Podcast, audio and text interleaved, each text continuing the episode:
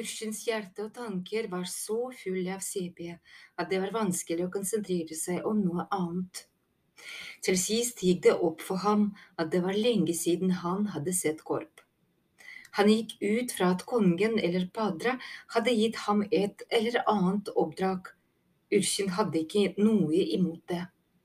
Han ville helst være alene akkurat nå.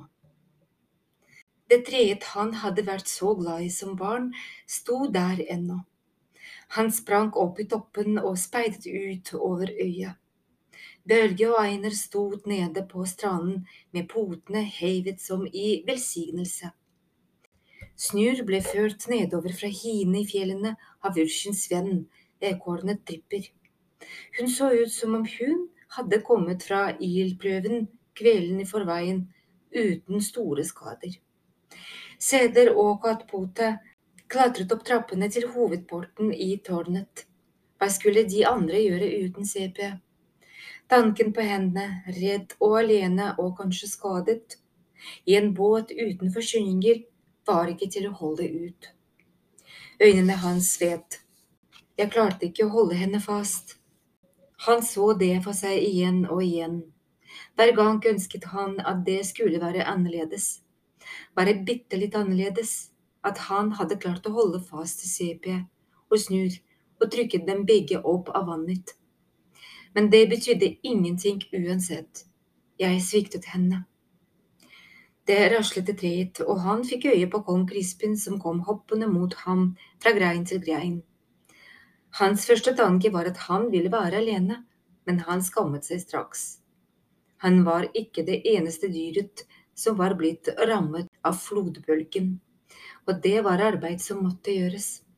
Hva er deres befaling, min herre? spurte han. Har du sett pasjen din i det siste? sa Crispin.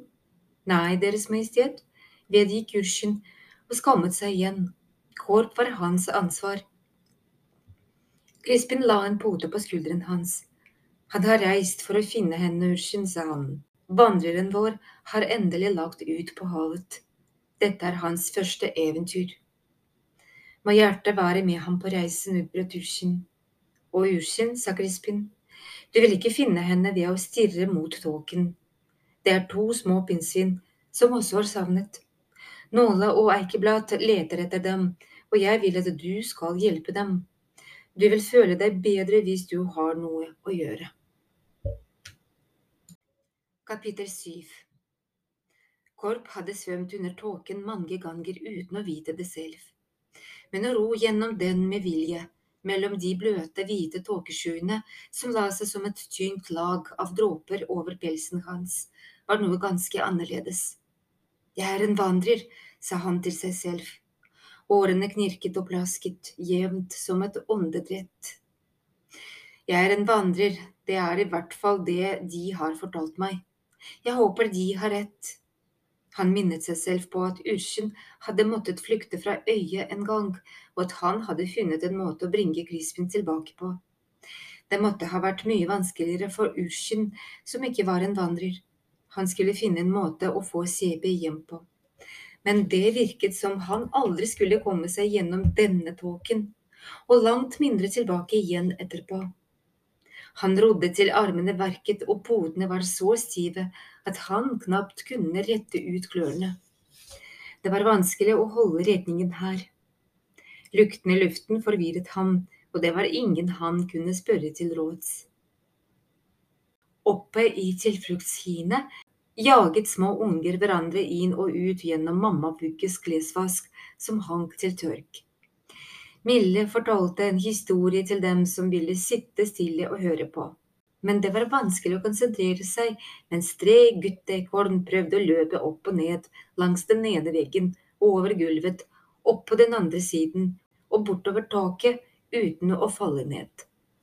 Et hunnpinnsvin som het Bust, skulle egentlig ha hjulpet til, men hun satt bare sammenkrøket foran peisen, og mamma Vugge ville helst ha sluppet å ha henne der. Hun spurte stadig om de ikke kunne dra hjem snart, og det begynte å bli ganske irriterende. Nei, det kan vi ikke, sa mamma Vugge.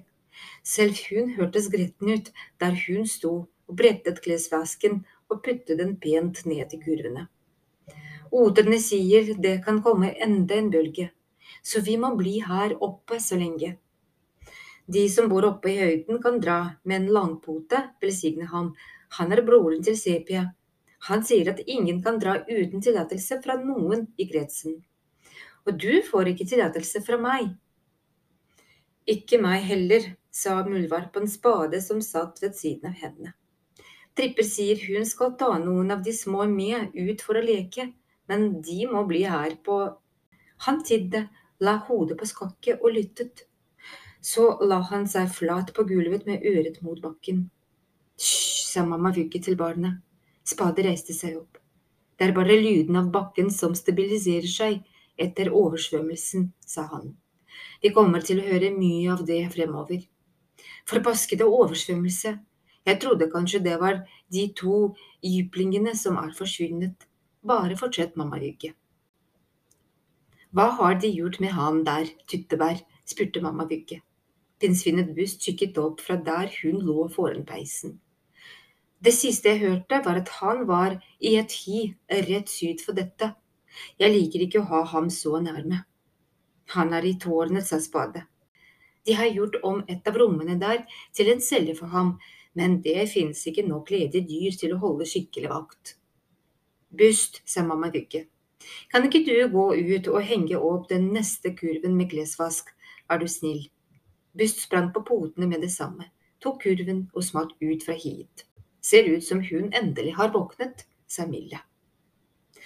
Før alt vannet var tørket inn og bakken hadde stabilisert seg, var det ikke mange dyr som fikk lov å komme ned til stredene og tårnet. Men Bust så ut til å være fast bestemt på å prøve. Kaptein Pir fikk øye på henne på vei i full fart gjennom anemoneskogen mot tårnet. Må hjertet bevare deg, sa han. Hvor har du tenkt deg? Jeg, jeg skal til, til tårnet og besøke dronningen, herre, stammet hun. Du finner ikke dronningen der, sa Pyr. Hun er oppe i tilfluktshiene sammen med alle de andre. Å, sa Bust. Hun rødmet og ble stille. Så subbet hun fremover for å gå forbi ham og sa med et sjenert smil. Men når jeg først er her, kan jeg jo besøke tanten min. Og hvor bor tanten din da? Og rett i nærheten av tårnet, det er ikke langt. Det finnes ingen tanter i nærheten av tårnet akkurat nå, sa Pir. Det er forbudt område. Tanten din er nok oppe i tilfluktshyene, hun også. Jeg kan følge deg dit når jeg går av vakt, så kan vi finne henne. Hva heter tanten din, kanskje jeg kjenner henne? Å, det er ikke så farlig, herre, sa Bust fort, men nå må jeg nok gå. Pir ble stående og se etter henne.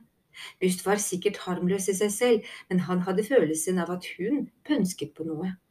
Hvorfor var hun egentlig så oppsett på å komme seg til tårnet? To dyr som kunne gå til tårnet når som helst, og hvor som helst ellers de ville, var Urskinn og Nåla. De befant seg i et av verkstedene hvor de rullet ut bildeppet som Nåla og Eikeblad hadde funnet på gulvet. I et rom under dem var det noen som ropte og skrek og slo i veggene. Er det ham? spurte Urskin.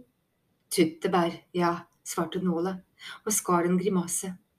Han kan holde på i timevis av gangen. Jeg skulle ønske de fant et annet sted å sperre ham inne. Padre sier at hvis vi bare overser ham, kommer han til å stoppe, men det har ikke fungert så langt. Hun glattet ut bildeteppet Håp har gått for å hente Myrtel. Det siste Myrtel hadde jobbet med, var et bilde av dronning Seder sittende på en mosegrodd stein i skogen med tåkemantelstårn i bakgrunnen. Håp kom inn sammen med Myrtel, som tørket øynene med en potefugl med mose. Har dere, har dere funnet Firtel og Au? spurte hun og snufset. Ikke ennå, svarte Nåla. Vi trenger din hjelp. Kan du fortelle meg noe om dette bildeteppet? Det er dronning Seder, svarte Myrtel. Ja, vi vet det er dronning Seder, sa Nåla tålmodig. Det jeg mener er om du ikke kan se noe på dette bildet som du ikke har ment å putte inn. Kan du ikke være så snill å studere det nøye for oss, spurte prins Eikeblad. Myrtel tørket tårene og tok en titt på bildeteppet. Siden det lå på gulvet, gikk hun rundt det et par ganger mens hun la hodet på skokket for å se det fra forskjellige vinkler. Den båten, sa hun til sist, den runde båten. Det er bra, sa Nola og skottet bort på Urskin. Det var tegnet for en vandrer, men det visste de jo fra før. Noe annet? Det er en slags sirkel, sa Murtel. Jeg tror ikke jeg har laget den. Urskin og Nola bøyde seg ned for å studere den nærmere. Det var tegnet en sirkel i mosen. Det var vanskelig å få øye på med det samme, men vis mann visste hvor man skulle lete, trådte den straks klart frem. En sirkel står for trygghet, sa Urskin, men det er ingen inni den. Hvem er det som er trygg, Murtel? Jeg vet ikke, sa hun og gjorde en grimase som om hun tenkte hardt. Jeg går ut fra at det må være mosen. Det må bety at det er en trygg og god flekk med mose, tror jeg, frøken Nåla. Nåla undertrykte et sykk. Her har du et stykke lerret og en kulbit, sa hun. Kan du tegne et bilde for meg? Mens Myrtel tegnet, kastet Nåla et blikk rundt i rommet. Hun håpet Ursel ikke ville legge merke til det og spørre hva hun så etter. CB hadde holdt på med en gyllengull fløyelskape til Ursken som hun hadde bedt Nåla om hjelp til. CB trodde den fargen ville passe bedre til pelsen til Lusjen enn den grønnfargen Egon vanligvis kledde seg i. Nåla hadde funnet fløyelsstoffet til henne og hadde hjulpet henne med kragen, som var vanskelig å få til. Hadde hun ikke puttet den i et av skapene? Hun var sikker på at hun hadde gjort det. Kanskje Triple eller en av de andre syrskene hadde flyttet den. Det var en nydelig kappe. CB hadde til og med fòret den og satt den inn med harpiks for å gjøre det vanntett. Og Nola hadde lyst til å gjøre den ferdig for hennes skyld, uansett om CP noen gang Ikke tenk på det. For å få tankene vekk fra CP kikket hun over skulderen til Murter på det hun tegnet. En mandel, utbrøt hun så plutselig at Ursyn skvatt. Det er broren i søsteren din med en mandel, er det ikke? Murter nikket, og Nåla snudde seg mot Husjen og Eikeblad. En mandel sto for en hemmelighet. Det hjelper oss ikke stort, sa hun lavt. Det betyr bare at Firtel og Au er på et hemmelig sted, men det er jo det som er problemet. Hun kastet et blikk over skulderen sin igjen, før hun snudde rundt for å se hva Myrtel hadde tegnet nå. Hun grep Ursin hardt i armen. Ursin, hvisket hun, hun har tegnet en julerose. En julerose for fare. Ursin klemte poten til nåla.